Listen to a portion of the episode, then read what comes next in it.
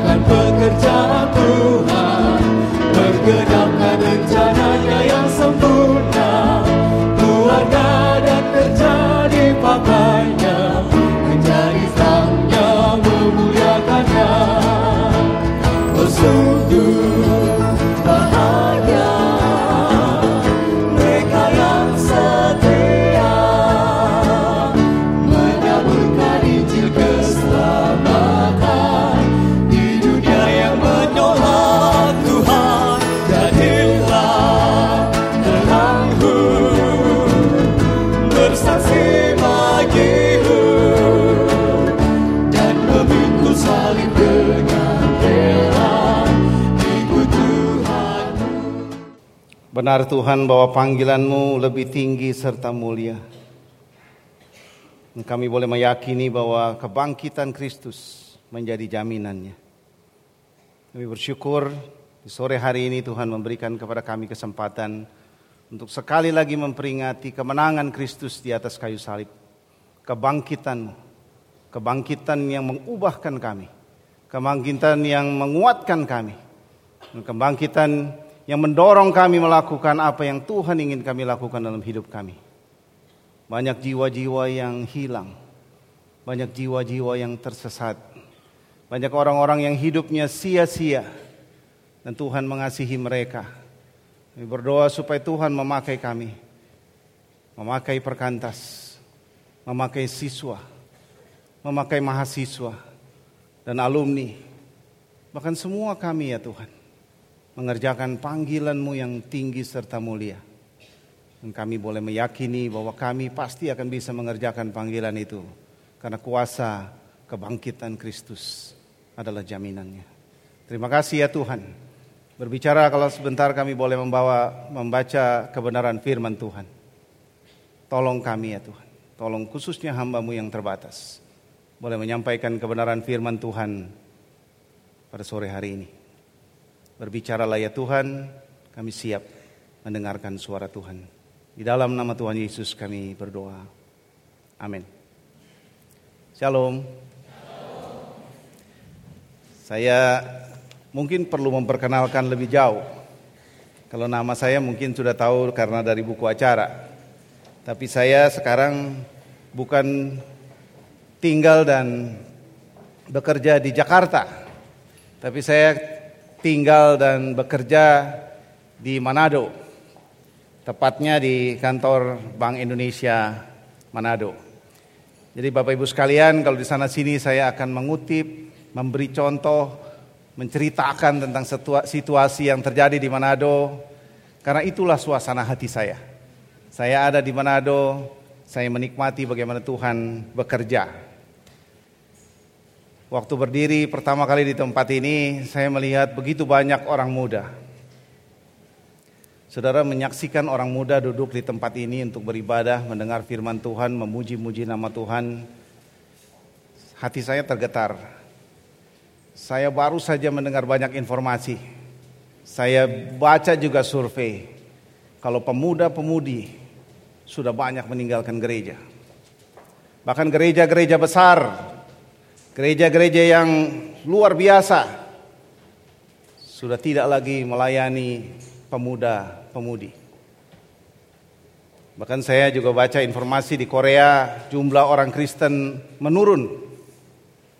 Dan kalau diteliti lebih jauh yang turun adalah pemuda-pemudi. Sehingga menyaksikan perkantas masih setia melayani siswa, mahasiswa. Dan pada sore hari ini boleh berkumpul bersama-sama itu adalah satu anugerah yang luar biasa. Puji Tuhan. Berbahagialah kita semua yang boleh hadir dan beribadah masih mengutamakan Tuhan dalam hidup kita. Dan orang-orang muda boleh hadir di tempat ini. Dan kita harus juga ingat, masih banyak orang muda di luar sana yang hidupnya tersesat, yang hidupnya sia-sia. Dan itu menjadi juga tanggung jawab kita, panggilan kita, panggilan yang tadi kita nyanyikan, panggilan yang tinggi serta mulia. Saudara-saudara, Bapak Ibu sekalian, saya sebenarnya juga gentar selain bahagia. Karena yang duduk di depan-depan saya ini para nabi.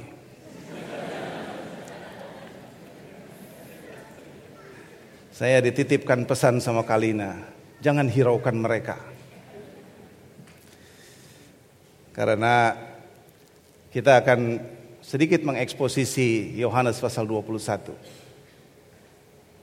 Kiranya Tuhan memberkati kita dengan firman Tuhan dan saya yakin percaya kita semua bersama-sama mendoakan ini. Supaya firman Tuhan boleh menjadi kekuatan yang mengutus kita menyelamatkan orang-orang yang hilang. Mari kita membaca membuka Alkitab kita dari Yohanes pasal yang ke-21. Yohanes pasal yang ke-21 kita akan membacanya semua ayat agak panjang 1 sampai 25 karena ini amanatnya dari panitia.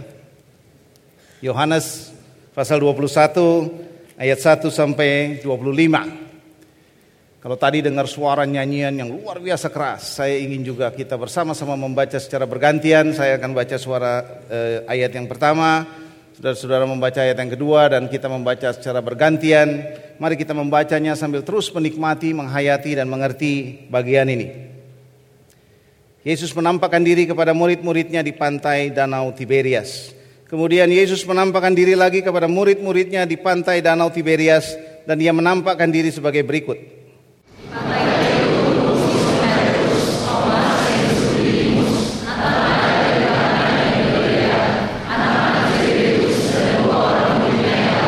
Kata Simon Petrus kepada mereka, aku pergi menangkap ikan. Kata mereka kepadanya, kami pergi, pergi juga dengan engkau. Mereka berangkat lalu naik ke perahu. Tapi malam itu mereka tidak menangkap apa-apa.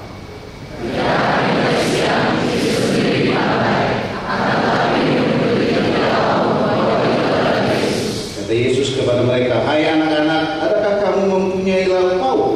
Jawab mereka, tidak ada.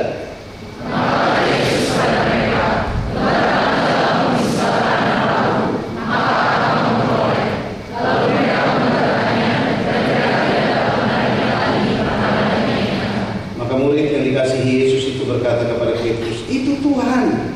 Ketika Petrus mendengar bahwa itu adalah Tuhan, maka ia mengenakan pakaiannya sebab ia tidak berpakaian, lalu terjun ke dalam danau.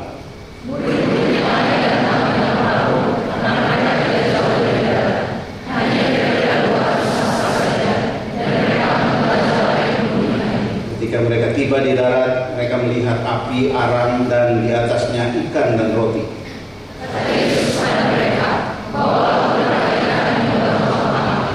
Simon Petrus naik ke perahu lalu menghela jala itu ke darat. Penuh ikan-ikan besar 153 ekor banyaknya. Dan sungguh pun sebanyak itu jala itu tidak koyak.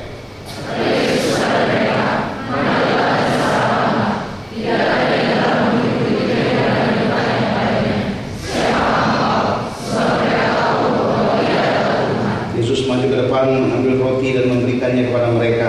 Demikian juga ikan itu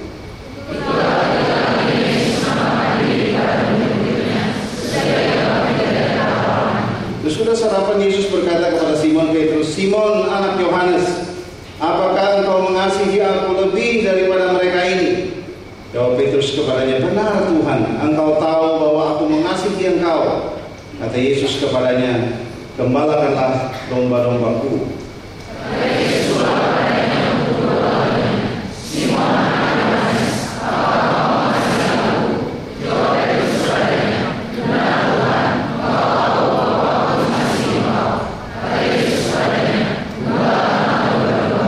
Kata Yesus kepadanya untuk ketiga kalinya, Simon anak Yohanes, apakah engkau mengasihi aku? Maka sedih hati Petrus karena Yesus berkata untuk ketiga kalinya, apakah engkau mengasihi aku?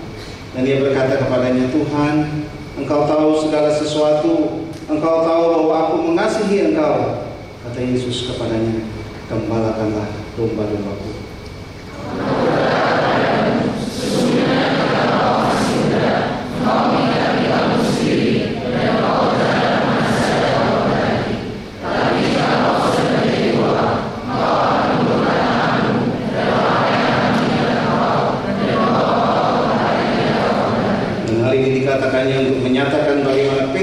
mati dan memuliakan Allah. Sesudah mengatakan demikian dia berkata kepada Petrus, ikutlah aku.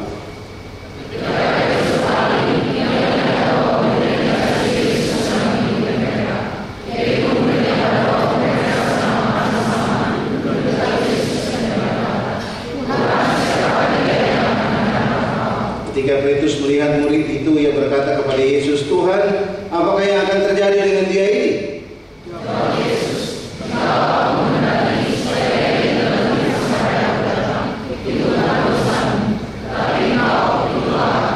Maka tersebarlah kabar di antara saudara-saudara itu bahwa murid itu tidak akan mati.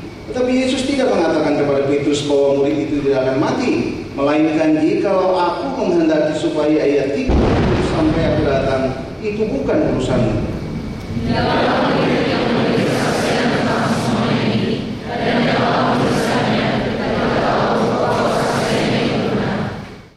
Masih banyak hal-hal lain lagi yang diperbuat oleh Yesus, tetapi jikalau semuanya itu harus dituliskan satu persatu, maka agaknya dunia ini tidak dapat memuat semua kitab yang harus ditulis itu. Terpujilah nama Tuhan yang memberikan kepada kita firman Tuhan. Saudara-saudara yang terkasih dalam Tuhan ketika menghayati dan mencoba merenungkan, mempelajari Yohanes 21, saya melihat bahwa memang cerita tentang kebangkitan bukanlah satu cerita yang mudah dipercaya. Cerita tentang kebangkitan sering kali memang menjadi kontroversial di mana-mana.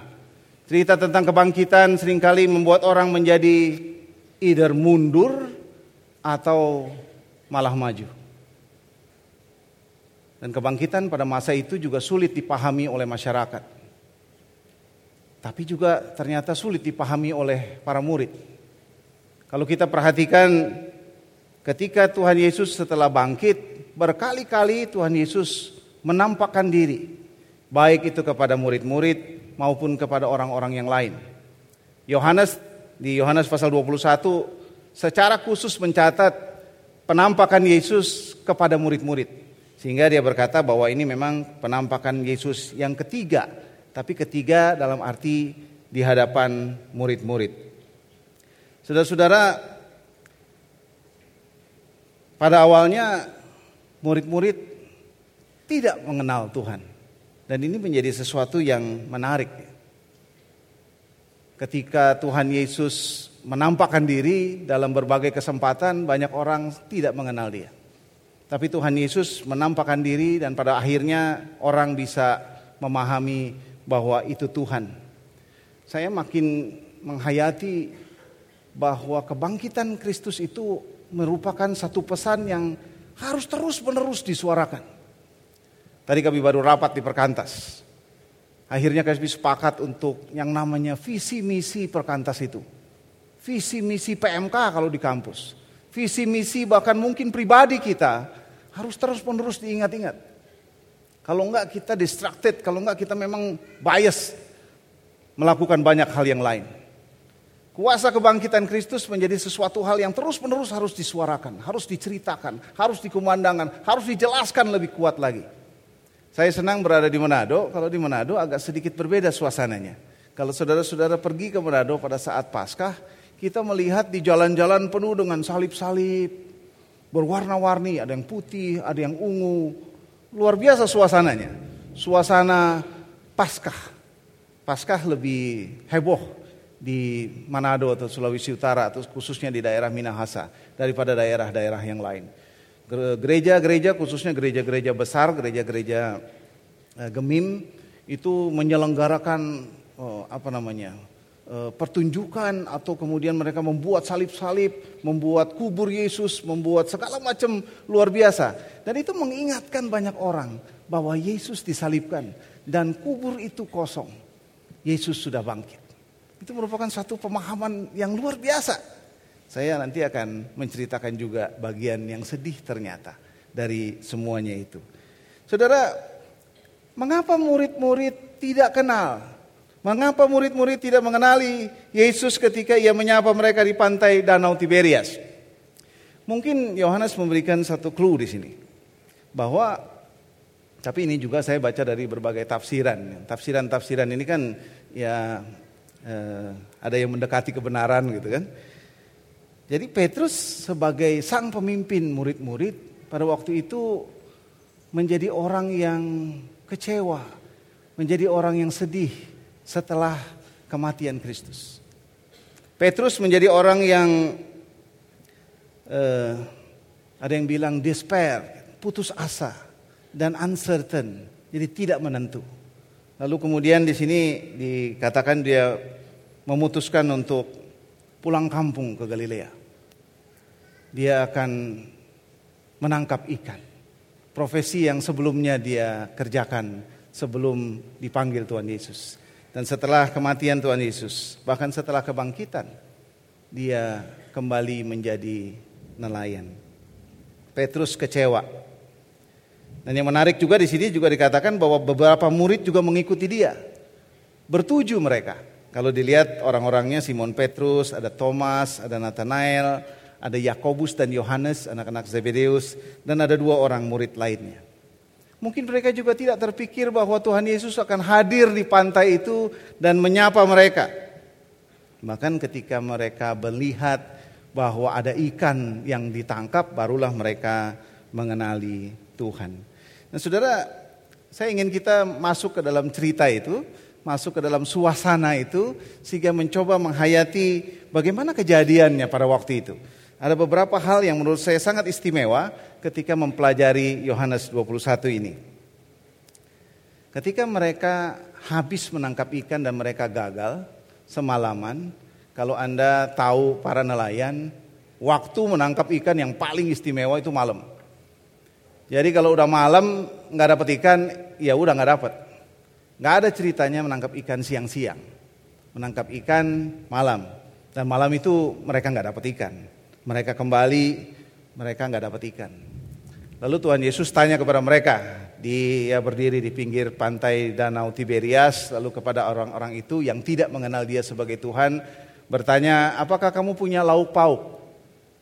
Atau lebih tepatnya, mungkin mereka tanya, kamu punya ikan nggak? Dan saudara, kalau kita pernah menjadi mahasiswa, kalau kita habis ujian, Lalu ternyata ujiannya itu susah banget. Dan kita nggak bisa jawabnya. Dan kita yakin kayaknya kita dapat D lah. Susah bener. Gitu. Ini jawaban yang sering, sering saya terima dari anak laki-laki saya. Gimana ujiannya tadi? Susah. Susah.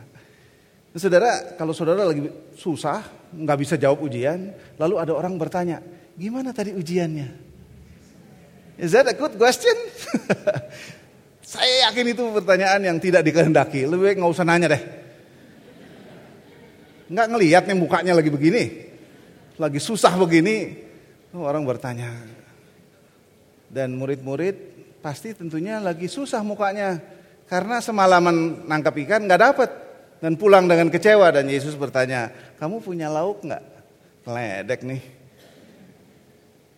Dan mereka menjawab, mereka tidak punya.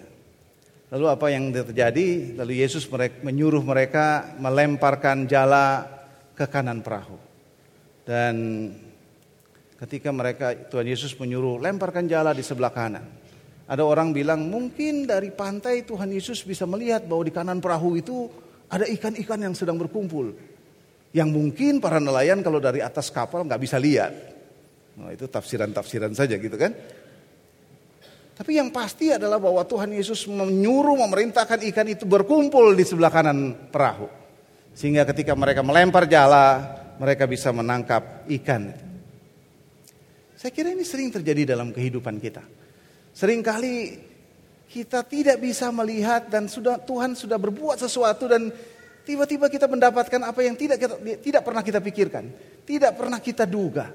Para nelayan itu juga tidak akan pernah percaya dan menduga bahwa siang-siang itu atau pagi-pagi itu mereka melempar jala ke sebelah kanan dan jala mereka penuh dengan ikan. Waktu saya berangkat ke Manado, saya punya suatu mimpi besar. Bukan mimpi yang sudah jelas, tapi saya hanya melihat situasi di Manado situasi yang menurut saya sangat menyedihkan. Lalu saya mau pergi ke sana. Kalau ada orang bertanya kepada saya, apa yang akan Anda lakukan di Manado? Terus terang saya jawabnya, saya nggak tahu. Saya nggak tahu apa yang saya mau lakukan, tapi saya mau pergi saja. Saya pikir saya bisa melakukan sesuatu.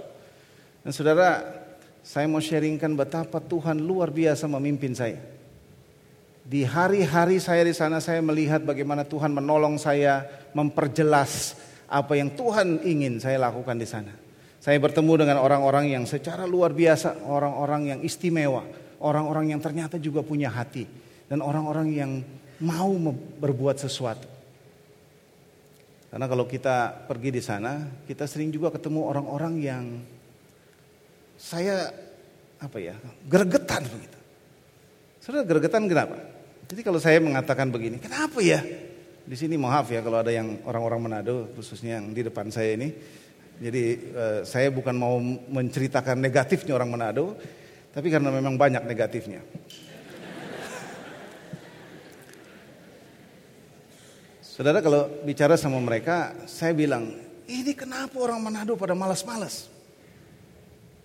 Lalu sebagian orang yang saya ketemu mereka akan bilang, ya begitulah pak, memang orangnya malas-malas.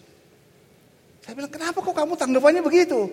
Kalau maunya saya ketika saya bilang ini orang malas-malas, iya nih, ayo kita berbuat sesuatu, ayo kita gerakan, ayo kita membuat mereka menjadi rajin.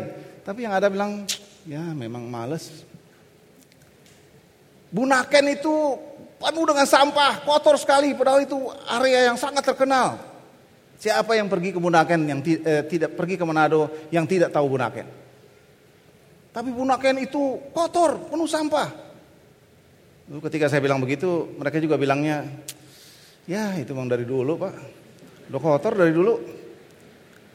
Jadi sesuatu yang menurut saya orang-orang yang melihat sesuatu problem, tapi kemudian melihatnya bukan sebagai suatu hal yang kemudian membangkitkan semangat, tapi kemudian menerimanya apa adanya.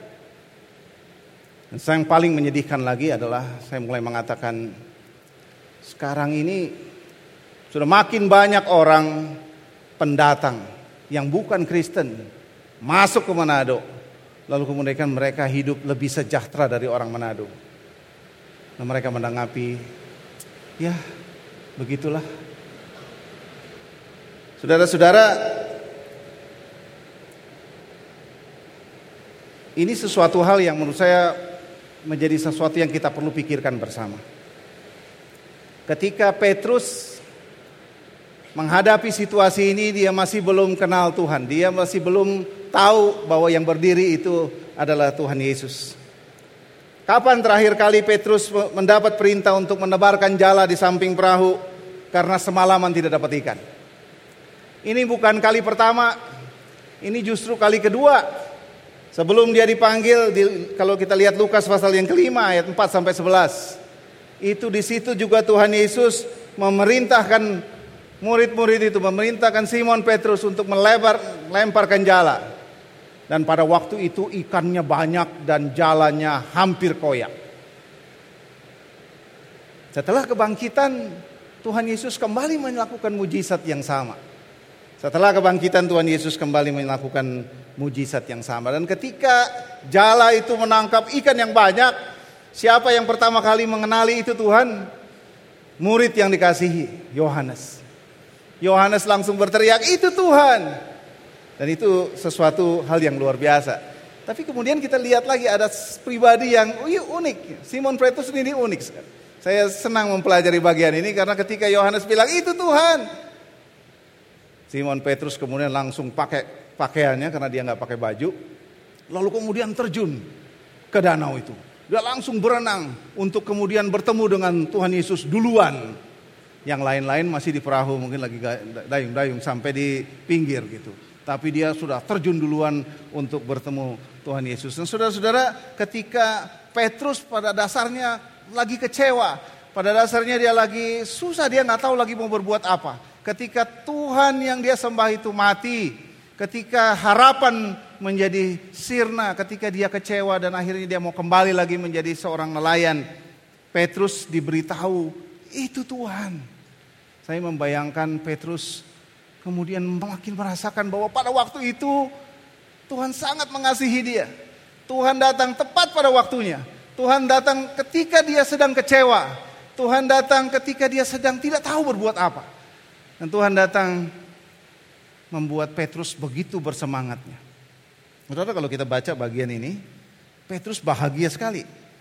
Dan Petrus bahagia karena dia juga menyadari bahwa Tuhan sangat mengasihi dia. Dan dia cepat-cepat menghampiri Tuhan. Ya, kalau lihat lagi di ayat 6, coba bandingkan. Di ayat yang ke-6 itu, di situ dia bilang, Tabarkanlah jalamu di sebelah kanan perahu, maka kamu akan peroleh. Lalu mereka menebarkannya dan mereka tidak dapat menariknya lagi karena banyaknya ikan. Jadi ikan itu banyak karena jalannya berat sekali. Tapi kemudian di ayat yang 11 kalau kita lihat, ayat yang ke-11 Simon Petrus ketika dia sudah berenang, dia ketemu Tuhan, Simon Petrus naik ke perahu lalu menghela jala itu ke darat. Penuh ikan-ikan besar. 153 ekor banyak dan sungguh pun sebanyak itu jala itu tidak koyak. Jadi dia begitu semangatnya lalu dia hela itu jala dia bawa ke darat. Padahal jala itu oleh murid-murid yang lain juga dilihat sebagai uh, jala yang berat. Saya sangat menikmati orang-orang yang punya semangat seperti ini. Kita nggak usah membandingkan Petrus dengan Yohanes karena memang ini bukan untuk dibandingkan. Tapi memang ada orang-orang seperti Petrus yang punya semangat luar biasa, yang punya energi yang luar biasa, yang langsung semangat gitu kan. Yang saking semangatnya juga kadang-kadang dia menyangkal Tuhan tiga kali. Gitu. Dia orang yang semangat, energik. Sehingga saya kadang-kadang bingung juga melihat orang yang melayani Tuhan malas-malasan. Ada orang yang melayani Tuhan tidak tidak punya tanggung jawab. Ada orang yang lagi punya kewajiban melayani Tuhan tapi datang terlambat. Ada orang yang memang tidak sungguh-sungguh memberi waktu dan perhatian dan tenaganya untuk melayani Tuhan. Waktu ini adalah waktu pemulihan buat Petrus. Ketika dia tahu itu Tuhan, maka energinya kembali. Ketika itu semangatnya kembali. Dan saudara Petrus, waktu inilah kemudian menjadi waktu yang momen yang ber, Uh, istimewa di dalam sepanjang hidupnya. Petrus menjadi orang yang luar biasa. Bahkan dia sampai menghayati salib Kristus itu. Sampai dia disalibkan terbalik. Saudara, ada satu hal lagi yang menarik yang saya ingin coba bagikan kepada kita semua. Mereka menangkap ikan. Saya suka membayangkan karena saya suka di Manado, saya suka lihat banyak ikan, bahkan saya pergi ke daerah yang namanya Bitung yang juga banyak ditangkap ikan. Dan di sini mereka menangkap ikan dan ada 153. Dan di sini ikannya bukan ikan kecil, tapi ikan besar. Ikan besar. Ini kalau besar itu bingung ya. Begini besarkah? Begini besarkah? Begitu besar kita nggak tahu, tapi ada 153 ikan besar. Yang menarik adalah siapa yang ngitung-ngitung sampai 153 itu? Siapa yang ngitung-ngitung sampai 153? Bahkan kalau kita baca tafsiran jadi aneh-aneh gitu. Saya ngelihatnya sih aneh karena mungkin benar mungkin enggak gitu ya. Ada yang bilang itu gambaran dari universalism mission of Christianity. Wah, dari ada yang bilang itu eh, gambaran-gambaran uh, uh, spekulasi-spekulasi tertentu. Ada yang kemudian bilang bahwa 153 itu adalah kalau satu tambah dua tambah tiga sampai 17. Coba ditambahin, dapatnya 153. Saya juga nggak tahu maksudnya jadi apa. Tapi yang paling penting di sini sebenarnya adalah kemudian saya coba menghayati bagian ini, baca-baca beberapa artikel mengatakan bahwa yang penting di sini adalah bahwa ada orang-orang yang mencoba menghargai secara detil berkat Tuhan itu. Ternyata memang kalau kita lihat di Alkitab seperti waktu Tuhan Yesus mengubah air jadi anggur, di situ dicatat. Ada yang masih ingat berapa tempayan? Ada enam tempayan. Secara khusus, mohon maaf saya minum ya. Secara khusus dicatat itu. Ada enam tempayan, masing-masing dua atau tiga buyung. Ada enam tempayan. Waktu Tuhan Yesus melakukan mujizat, memberi makan lima ribu orang, ada sisa secara khusus juga ditulis di 12 bakul. Kalau di Manado juga dibilang begitu, seandainya waktu itu orang Manado yang di sana kayaknya nggak ada sisanya. Tapi itu joke-joke yang yang lain, yang lain mungkin orang Batak juga mengatakan begitu ya. Mungkin sudah dimasuk-masukin plastik itu sisanya.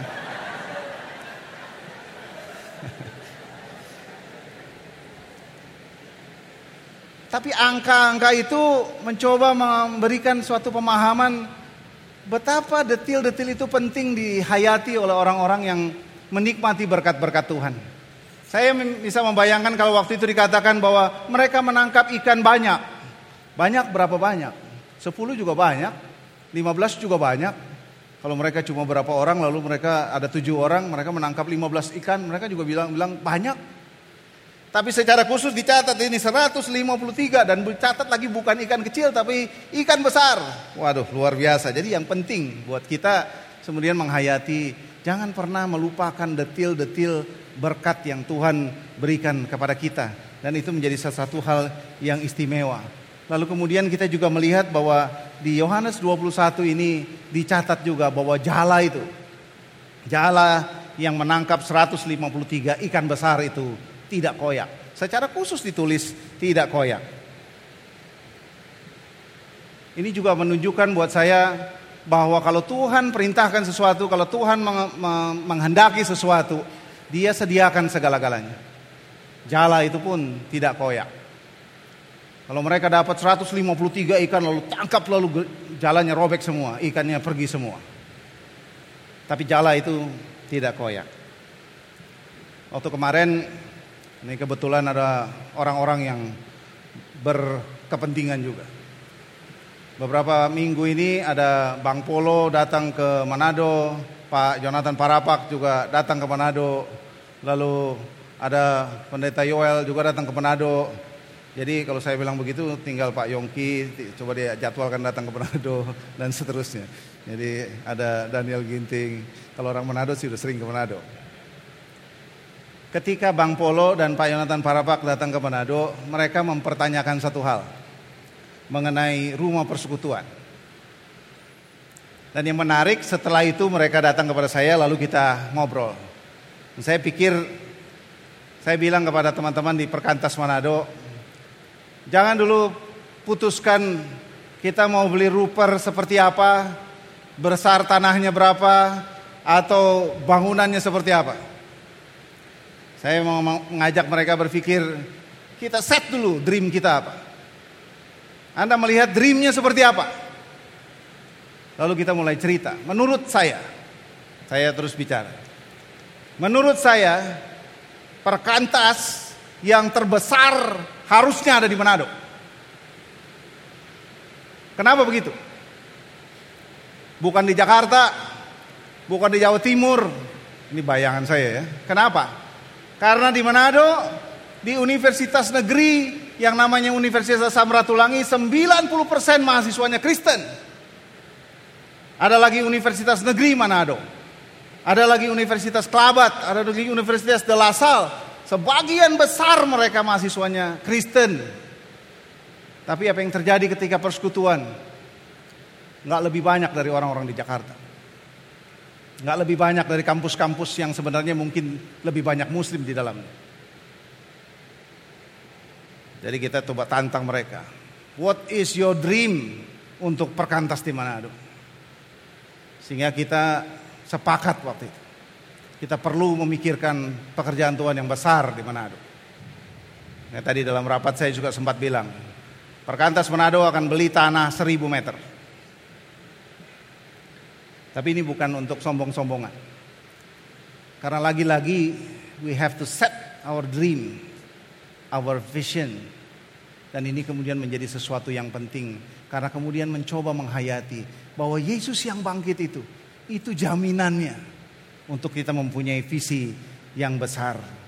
Saudara-saudara yang terkasih dalam Tuhan, itu ketiga kalinya Yesus menampakkan diri kepada murid-muridnya.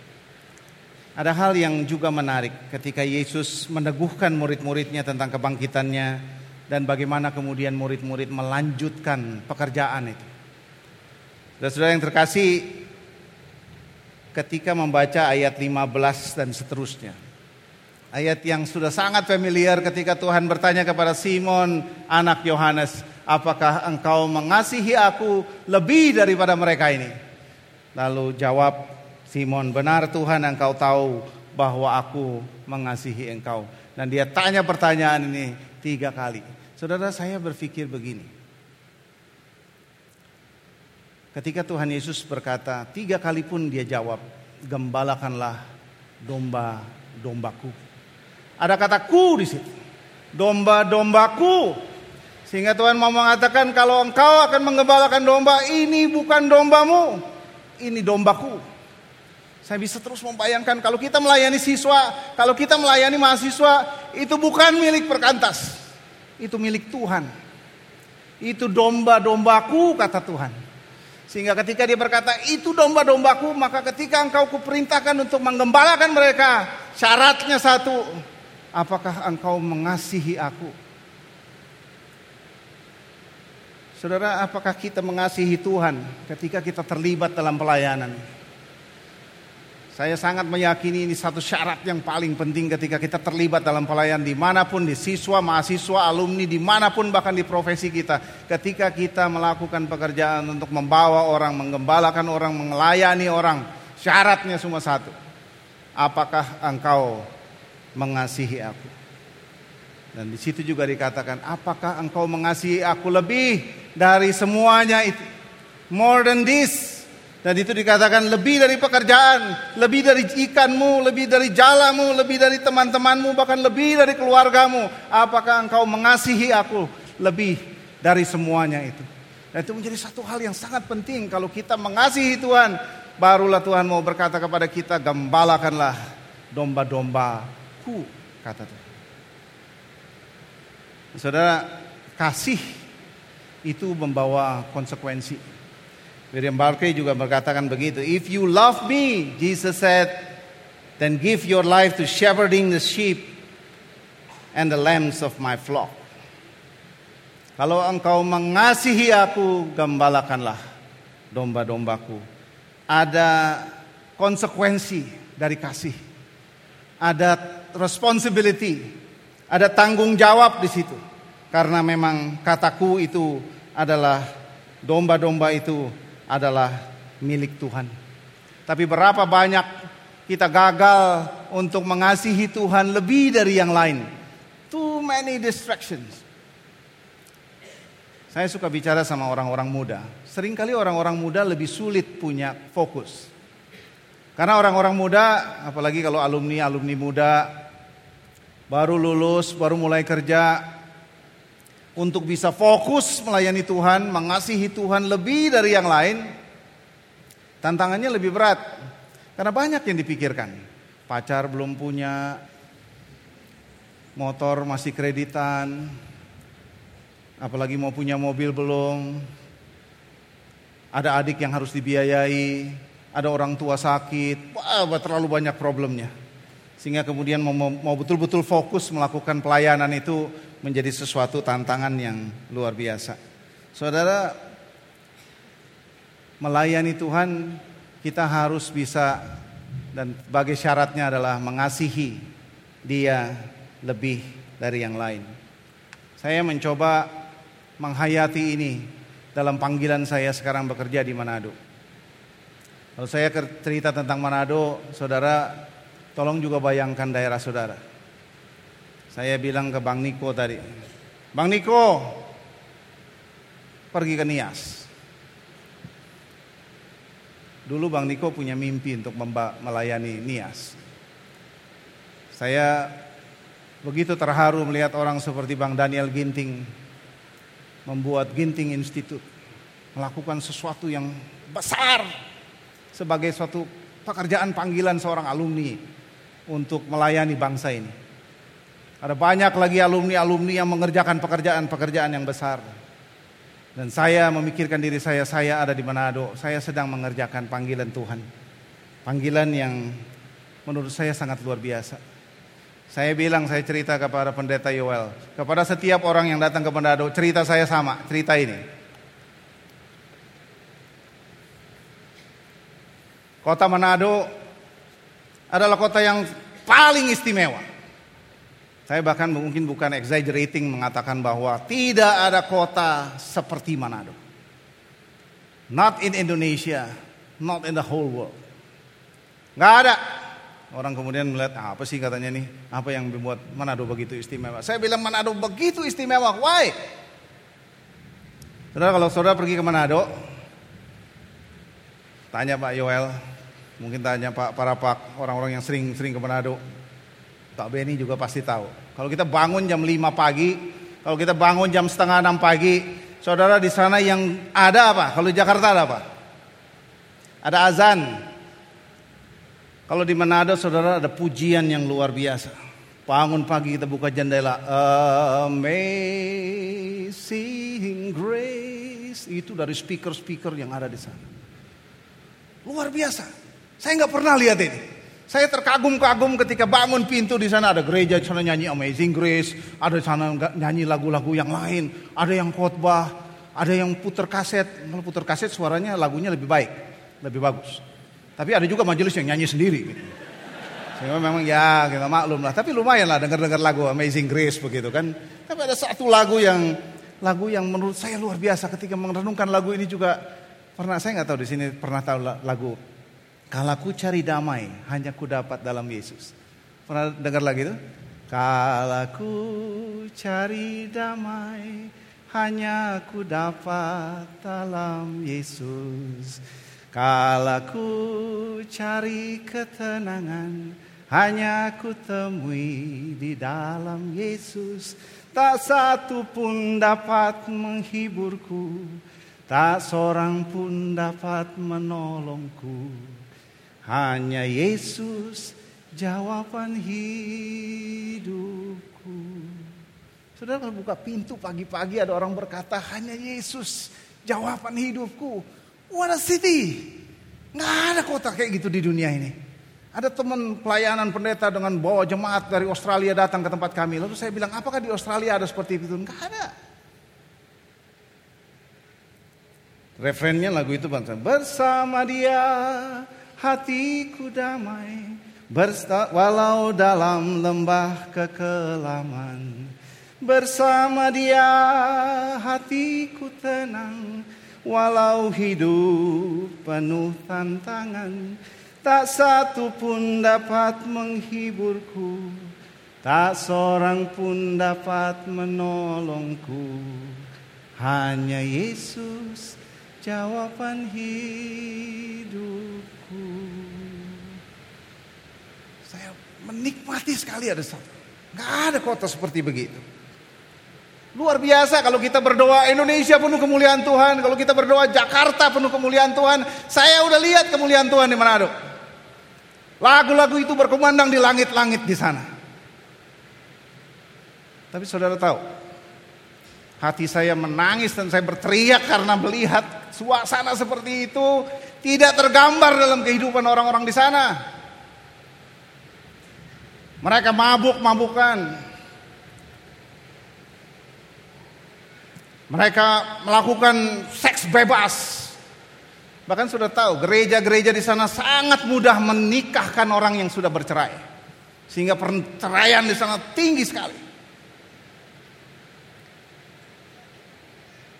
Bagaimana tidak hancur hati saya melihat kota yang menurut saya kantong Kristen terbesar di Indonesia in terms of percentage. Kalau saudara pergi ke Manado di setiap tikungan ada gereja. Kalau saudara pergi ke acara-acara publik, saya sering rapat dengan gubernur, mau bikin seminar apa segala macam. Setiap acara dimulai dengan doa dan doanya dalam nama Tuhan Yesus. Luar biasa. Tapi sayangnya nggak tergambar dalam kehidupan orang-orang di sana. Orang-orang Kristen terkenal di sana malas. Orang-orang di sana bercerai, perceraian tinggi sekali. Bahkan ada woman trafficking. Ini informasi yang baru kami datang dapat dengan dari beberapa senior kami di Perkantas. Dia cerita woman trafficking luar biasa. Sudah tahu? Ini cerita buat kita. Mudah-mudahan cerita ini hanya untuk memberikan inspirasi supaya ada banyak hal yang mau kita buat. Di Jayapura ada sebuah bar. Dan bar ini membayar pajak 2 miliar per tahun. Pajak yang dibayar oleh satu bar 2 miliar per tahun. Kalau saya bilang begini langsung kalau orang-orang yang ngerti langsung dia hitung-hitung 15% kali sekian sekalian berapa kemudian dapat angkanya. 2 miliar per tahun bayar pajak dari sebuah bar. And you know, mereka mempekerjakan gadis-gadis Manado. Dan mereka meraup untung luar biasa dari gadis-gadis itu. Bahkan wanita-wanita penghibur dari Manado banyak sekali di Papua. Dan kalau mereka pulang ke Manado, mereka bawa pulang anak-anak keriting. Dan mereka bukan hanya bawa anak, tapi mereka juga bawa HIV AIDS. Saya mau menceritakan bahwa ini kantong Kristen. Ini orang-orang yang kalau saat hari Sabtu mabuk, hari Minggu pagi-pagi dia sudah masuk gereja. Kalau orang mabuk di sana, mereka lebih takut pendeta daripada takut polisi. Kalau orang mabuk dia ada polisi, polisi diajak minum sama dia. Tapi kalau pendeta lewat, mereka tiba-tiba berdiri tegak. Karena pendeta lewat. Mereka sangat menghormati pendeta, bahkan mereka sangat menghormati institusi gereja, tapi mereka mabuk-mabukan. Dan yang paling kemudian membuat hati saya terenyuh dan marah adalah ketika begitu banyak sekarang pendatang berdatangan ke Manado. Dan mostly they are not Christian. Dan mereka adalah orang-orang yang punya skill, mereka punya etos kerja. Kalau kita mau bangun bangunan kontraktor-kontraktor itu dia tidak mau pakai tukang-tukang orang Manado. Mereka pakai tukang-tukang orang Jawa. Karena orang Jawa lebih disiplin. Jam 7 kerja, jam 7 dia kerja. Jam 12 istirahat, jam 12 dia istirahat. Kalau orang-orang lokal di sana jam 7 kerja, jam 7 seperempat baru datang. Baru kemudian merokok-merokok dulu. Belum istirahat dia istirahat. Jam istirahat selesai dia belum kembali kerja. Pekerjaan, pekerjaan harusnya selesai jam 5, jam 4 dia minta izin mau ada kebaktian kolom katanya. Saudara mungkin saya terlalu berlebihan mengatakan ada kasus-kasus seperti ini.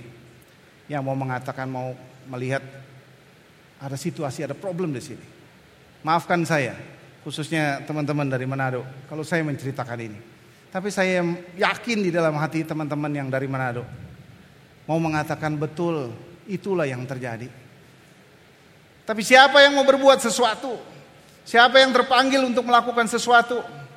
Waktu saya dengar lagu-lagu itu, saya ingat Bang Sagala. Bang Sagala di Parapat sana, waktu belum di gedung yang baru, saya nggak tahu di gedung yang baru. Tadi gedung yang lama dia punya kontrakan tinggi begitu. Di bagian atas, Bang Sagala itu pasang speaker besar sehingga kemudian menyanyikan lagu puji-pujian tiap sore. Tentunya dengan bahasa Batak. Sehingga kemudian dikatakan, oh orang-orang di stasiun waktu itu dekat terminal. Orang-orang terminal itu senang sekali karena dengar lagu puji-pujian tiap sore. Tapi orang-orang Kristen sering kali menjadi orang-orang yang tanda kutip toleran. Tapi tidak kemudian berani berdiri untuk memproklamasikan imannya. Saya kira ini sesuatu yang memang harus kita kerjakan. Pertanyaan tadi dari Tuhan Yesus kepada Simon, anak Yohanes, kemudian menolong saya. Apakah engkau mengasihi aku? Saudara-saudara, tanya kepada diri kita masing-masing. Sebut nama kita, tanya apakah kita mengasihi Tuhan. Dan dia berkata, gembalakanlah domba-dombaku. Dalam arti apa? Dalam arti apa yang mau kita lakukan? Apa yang mau kita kerjakan kalau kita betul-betul mengasihi Tuhan? Akan sangat-sangat sayang kalau orang mengatakan bilang aku mengasihi Tuhan. Tapi kemudian memang hanya hidup biasa-biasa saja tidak ada passion, tidak ada semangat, tidak kemudian seperti Petrus yang bersemangat seperti itu, yang punya energi yang luar biasa. Saudara, kalau itu boleh terjadi, maka saya pikir kita boleh membawa banyak jiwa kepada Tuhan. Waktu saya bicara tentang banyak mahasiswa-mahasiswa di sana, walaupun mereka Kristen, tapi mereka nggak mau datang kepada Tuhan. Mereka nggak mau datang ke persekutuan. Mereka sulit sekali diajak. Mereka lebih senang untuk nongkrong-nongkrong. Mereka lebih senang untuk bergaul atau melakukan banyak hal yang lain yang lebih menyenangkan daripada kepersekutuan. Tadi ada berita lagi dari teman staff senior yang mengatakan bahwa sekarang ini KTB lebih senang di kafe daripada di sekretariat. Siapa yang lebih suka KTB di kafe sekarang? Lagi baca firman Tuhan lagunya My Way. Saya pikir itu juga salah satu yang luar biasa. Ketika Petrus bertemu Tuhan, hidupnya berubah. Ketika Petrus bertemu Tuhan, maka spiritualitasnya berubah. Dia dipulihkan, dia dibaharui. Petrus kemudian menjadi orang yang sangat luar biasa, dipakai Tuhan menjadi orang yang melayani Tuhan, membawa jiwa bagi Tuhan. Selain Petrus kita juga lihat Paulus. Paulus juga ketika dia melakukan perjumpaan dengan Tuhan Yesus. Ketika Tuhan Yesus menampakkan diri. Mari kita baca coba satu Korintus pasal yang ke-15. Satu Korintus pasal yang ke-15 ayat 8 sampai 10. Satu Korintus pasal yang ke-15 ayat 8 sampai 10. Dan yang paling akhir dari semuanya ia menampakkan diri juga kepadaku sama seperti kepada anak yang lahir sebelum waktunya. Karena aku adalah orang adalah yang paling hina dari semua rasul. Bahkan tidak layak disebut rasul sebab aku telah menganiaya jemaat Allah. Tetapi karena kasih karunia Allah aku adalah sebagaimana aku ada sekarang dan kasih karunia yang dianugerahkannya kepadaku tidak sia-sia. Sebaliknya aku telah bekerja lebih keras daripada mereka semua. Tapi bukannya aku, melainkan kasih karunia Allah yang menyertai aku. Sebab itu bagi aku maupun mereka, demikianlah kami mengajar dan demikianlah kamu menjadi percaya. Ketika Paulus bertemu dengan Tuhan, ketika di sini dikatakan ia menampakkan diri juga kepadaku, ketika dia berencounter, bertemu dengan Tuhan, maka hidupnya berubah yang Paulus kemudian bekerja keras. Kalimat ini luar biasa. Bekerja keras bagi pekerjaan Tuhan. Sehingga kalau kita melayani Tuhan, kita mau berpikir besar bagi Tuhan di Indonesia, maka mata kita harus lebih banyak terbuka. Terbuka melihat begitu banyak daerah-daerah yang tidak berkembang. Kekristenan stagnan, ada banyak pelayanan-pelayanan yang dari tahun ke tahun ya begitu-begitu saja. Kalau tidak dibilang mundur, ya tetap. Padahal kita meyakini dan setiap kali merayakan Paskah kita makin meyakini bahwa ada kuasa kebangkitan Kristus. Kuasa yang memulihkan. Kalau Petrus waktu itu tidak dilawat oleh Tuhan. Kalau Tuhan Yesus pada waktu itu tidak muncul, tidak menampakkan diri kepada murid-muridnya mungkin mereka hanya menjadi nelayan kembali. Tapi apa yang dilakukan Tuhan Yesus berangkat dari kesadaran bahwa manusia-manusia seperti kita ini memang harus ditemui setiap saat, dikuatkan, diteguhkan. Firman Tuhan yang kuat dalam konteks kebangkitan Kristus itu harus tetap menjadi milik kita yang terus-menerus mengingatkan kita, mengingatkan kita, you have to do something. Anda tidak bisa beristirahat tenang-tenang, santai-santai. Ada pekerjaan besar yang menanti. Bagaimana kita melihat pekerjaan yang besar? Kalau mata kita terbuka melihat begitu banyak orang menderita. Begitu banyak orang dalam ketidaktahuannya tidak berbuat apa-apa. Begitu banyak orang yang tidak tahu kalau mereka tidak sungguh-sungguh di dalam Tuhan. Maka yang terjadi adalah mereka meninggalkan Tuhan dan mereka dikuasai oleh banyak kuasa-kuasa yang lain.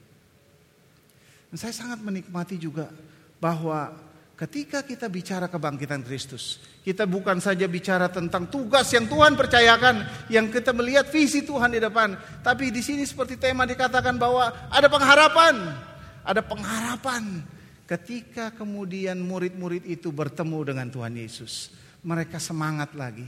Ada harapan di situ. Ada Tuhan yang mereka akhirnya meyakini, Tuhan yang mengasihi mereka. Waktu Indonesia banyak bergumul, saya masih ingat sekali.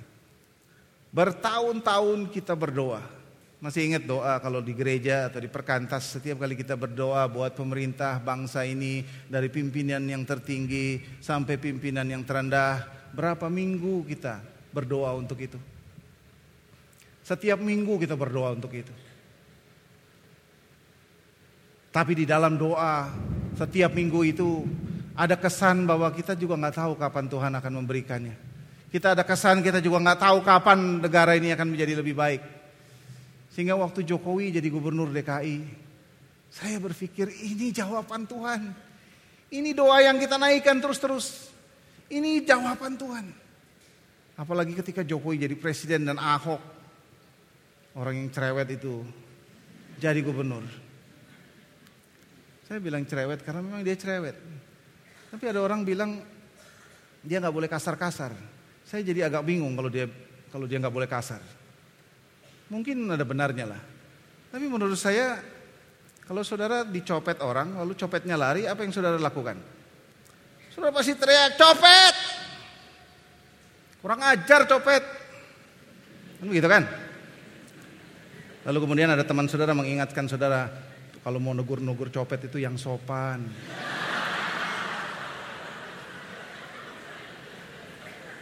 Yang nggak benar di sini. Saya kebetulan punya kesempatan bertemu dengan beliau beberapa kali dan ini orang yang paling ramah, paling sopan. Dan yang bersyukur lagi dia kenal perkantas. Waktu ketemu dengan beliau dia bisik saya, masih di pintu air. Nggak tahu itu pertanyaan karena dia kenal atau ngeledek. Kok masih di pintu air sih? Gitu. Tapi dia tuh tanya begitu. Dia tahu pelayanan kita. Dan dia orang yang sangat sopan. Bertemu, dia nggak mau juga kelihatan terlalu vulgar seperti misalnya bergaul dengan orang-orang Kristen terlalu vulgar. Saya bukan sedang kampanye. Tapi saya pikir mari kita lihat bahwa Tuhan sudah menjawab banyak doa. Lalu memikirkan kalau kita mulai kemudian terpengaruh bahwa sekarang kayaknya memang ini akan harus masuk penjara dia. Karena dia sudah melakukan ini dan itu. Saya pikir kita mungkin harus memikirkan ulang instead berdoa supaya memang Tuhan tolong. Saya berkali-kali bilang waktu saya di Bank Indonesia, sudah banyak orang Bank Indonesia juga masuk penjara. Sudah banyak. Sehingga saya bilang sama Bang Niko, kalau nanti saya masuk penjara, jangan buru-buru mengecam saya bahwa saya korupsi. Percayalah, saya nggak korupsi. Paling-paling saya salah tanda tangan. Paling-paling saya lalai. Dan hanya Tuhan yang bisa jaga saya. Lalu Bang Niko dengan gagah berani seperti Petrus lah kira-kira begitu kan. Dia bilang tenang aja bang. Kalau abang masuk penjara kita besuk.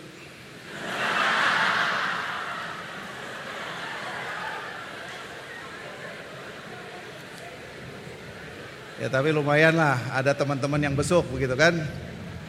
Saudara, saya pikir itu sesuatu yang sangat luar biasa. Mari kita pikirkan, mari kita doakan, mari kita buat sesuatu yang besar bagi bangsa ini. Kita seperti slogan kita, student today, leaders tomorrow. What kind of leaders you're going to be? Pemimpin seperti apa? Apakah kita akan menjadi pemimpin-pemimpin yang diberi kuasa, yang dimampukan untuk berbuat sesuatu dengan kebangkitan Kristus sebagai jaminannya? Sehingga kita bisa menyanyikan lagu tadi. Lagu yang menguatkan kita, mengerjakan panggilan itu, panggilan yang tinggi serta mulia dengan kebangkitan Kristus sebagai jaminannya. Saya pikir ini menjadi sesuatu yang sangat kuat. Kita punya itu. Kita punya itu. Kita memiliki kuasa kebangkitan yang luar biasa. Kita memiliki kuasa Allah. Kita bisa berbuat sesuatu. You have to do something. Saya suka bilang kepada orang-orang muda di Manado juga kepada semua orang muda saya bisa bilang kalau ada selagi masih muda, waktu masih muda, sudah mulai berpikir santai, sudah mulai berpikir istirahat, sudah mau mulai berpikir eh, santai-santai, duduk-duduk, menikmati apa yang saudara punya. Maka dalam waktu yang tidak terlalu lama akan Anda menjadi orang-orang yang terbuai. Dalam tempo lima tahun Anda akan menjadi orang yang bodoh. Itu yang saya bilang kepada teman-teman muda saya. Ketika kita masih muda, itu waktunya berjuang. Oleh karena itu juga itu yang disampaikan juga kepada Simon. Mari kita berjuang. Mari kita menghayati dan mengalami kebangkitan Kristus Mari kita kerja keras. Mari kita menggenapkan visi besar Allah melalui perkantas. ada pesan yang tinggi, yang besar.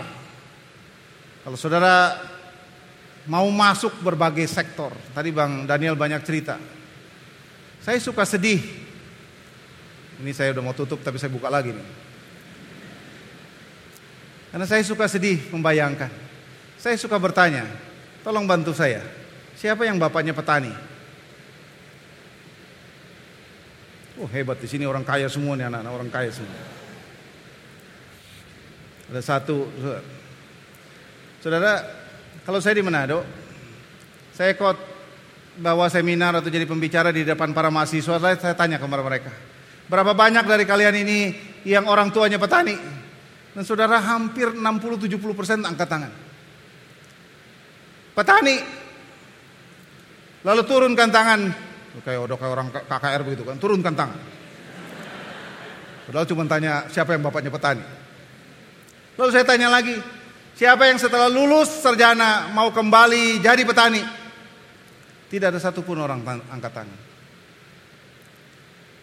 Sehingga petani-petani kita memang petani-petani bodoh petani-petani miskin, petani-petani yang pada akhirnya hanya memiliki ekspertis sebagai petani, tapi bukan petani-petani yang punya tanah, bukan petani-petani yang kemudian bisa memarketingkan produknya, bukan petani-petani kemudian menjadi petani-petani yang sejahtera hidupnya. Saya sering bilang kepada mereka di Jepang petani-petani beras itu adalah orang-orang kaya, bukan orang-orang yang miskin. Tapi sebagian besar orang-orang muda, khususnya juga di Manado, adalah orang-orang yang memang maunya kerja yang santai, yang gagah, yang pakai dasi, yang hebat. Sulawesi Utara adalah negara, eh, negara lagi. Sulawesi Utara adalah daerah yang penganggurannya tertinggi keempat di Indonesia.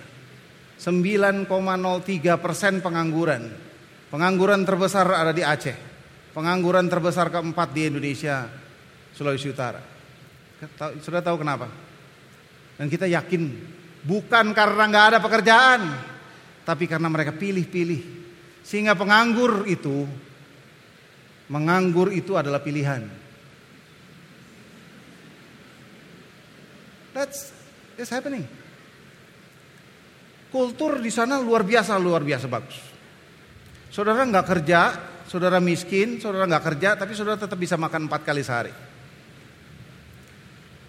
Kulturnya bagus, saling tolong menolong dan sebagainya, tapi itu membuat mereka menjadi malas. Saya bisa cerita banyak hal tentang what is happening. Tapi yang saya mau katakan saudara bukan hanya di Manado, tapi terjadi di daerah-daerah yang lain, mungkin terjadi juga di Sumatera Utara. Hingga saya sangat mendukung apa yang dilakukan oleh pendeta menghapus segala, menghasilkan orang-orang yang militan, pendeta-pendeta yang berkualitas untuk membawa orang datang kepada Tuhan. Tadi Ibu Marta bilang ke saya, yang penting sebenarnya adalah bagaimana perjumpaan orang dengan Kristus. Dan saya pikir betul, harus orang mengalami perjumpaan dengan Kristus, baru hidupnya berubah.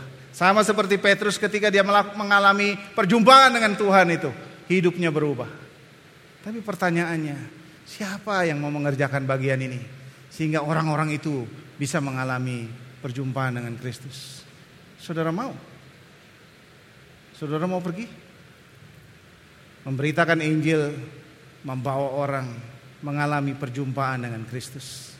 Tapi firman Tuhan hari ini mengatakan kepada kita, apakah engkau mengasihi aku? Kalau engkau mengasihi aku, kata Tuhan, gembalakanlah domba-dombaku. Mari kita berdoa.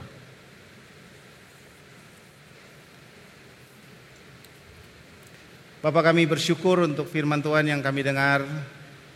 Banyak hal yang kami tidak mengerti.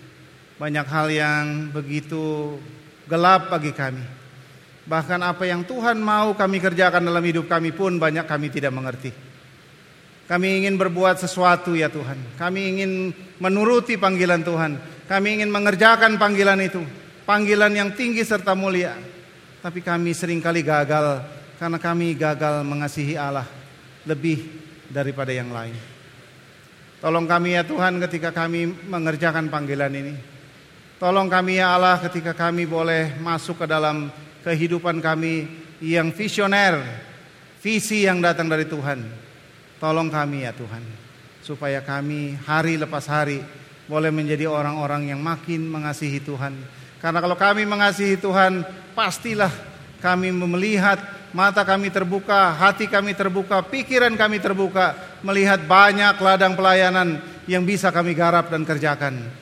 Tuhan mampukanlah kami, tolonglah kami ya Allah, mampukanlah kami. Biar nama Tuhan ditinggikan dan dimuliakan dan kami boleh menjadi orang-orang yang berbahagia karena kami boleh terlibat dalam pelayanan Allah yang besar. Bapa kami bersyukur karena kami memahami kuasa kebangkitan yang luar biasa. Kalau Yesus tidak bangkit, maka sia-sialah kepercayaan kami. Kalau Yesus tidak bangkit, maka kami tidak punya kuasa. Kalau Yesus tidak bangkit, maka kami juga tidak mampu melihat apa-apa. Kami tidak dapat berbuat apa-apa. Ya Tuhan, tolonglah dan mampukanlah kami. Biarlah Paskah boleh menjadi satu momen seperti Petrus.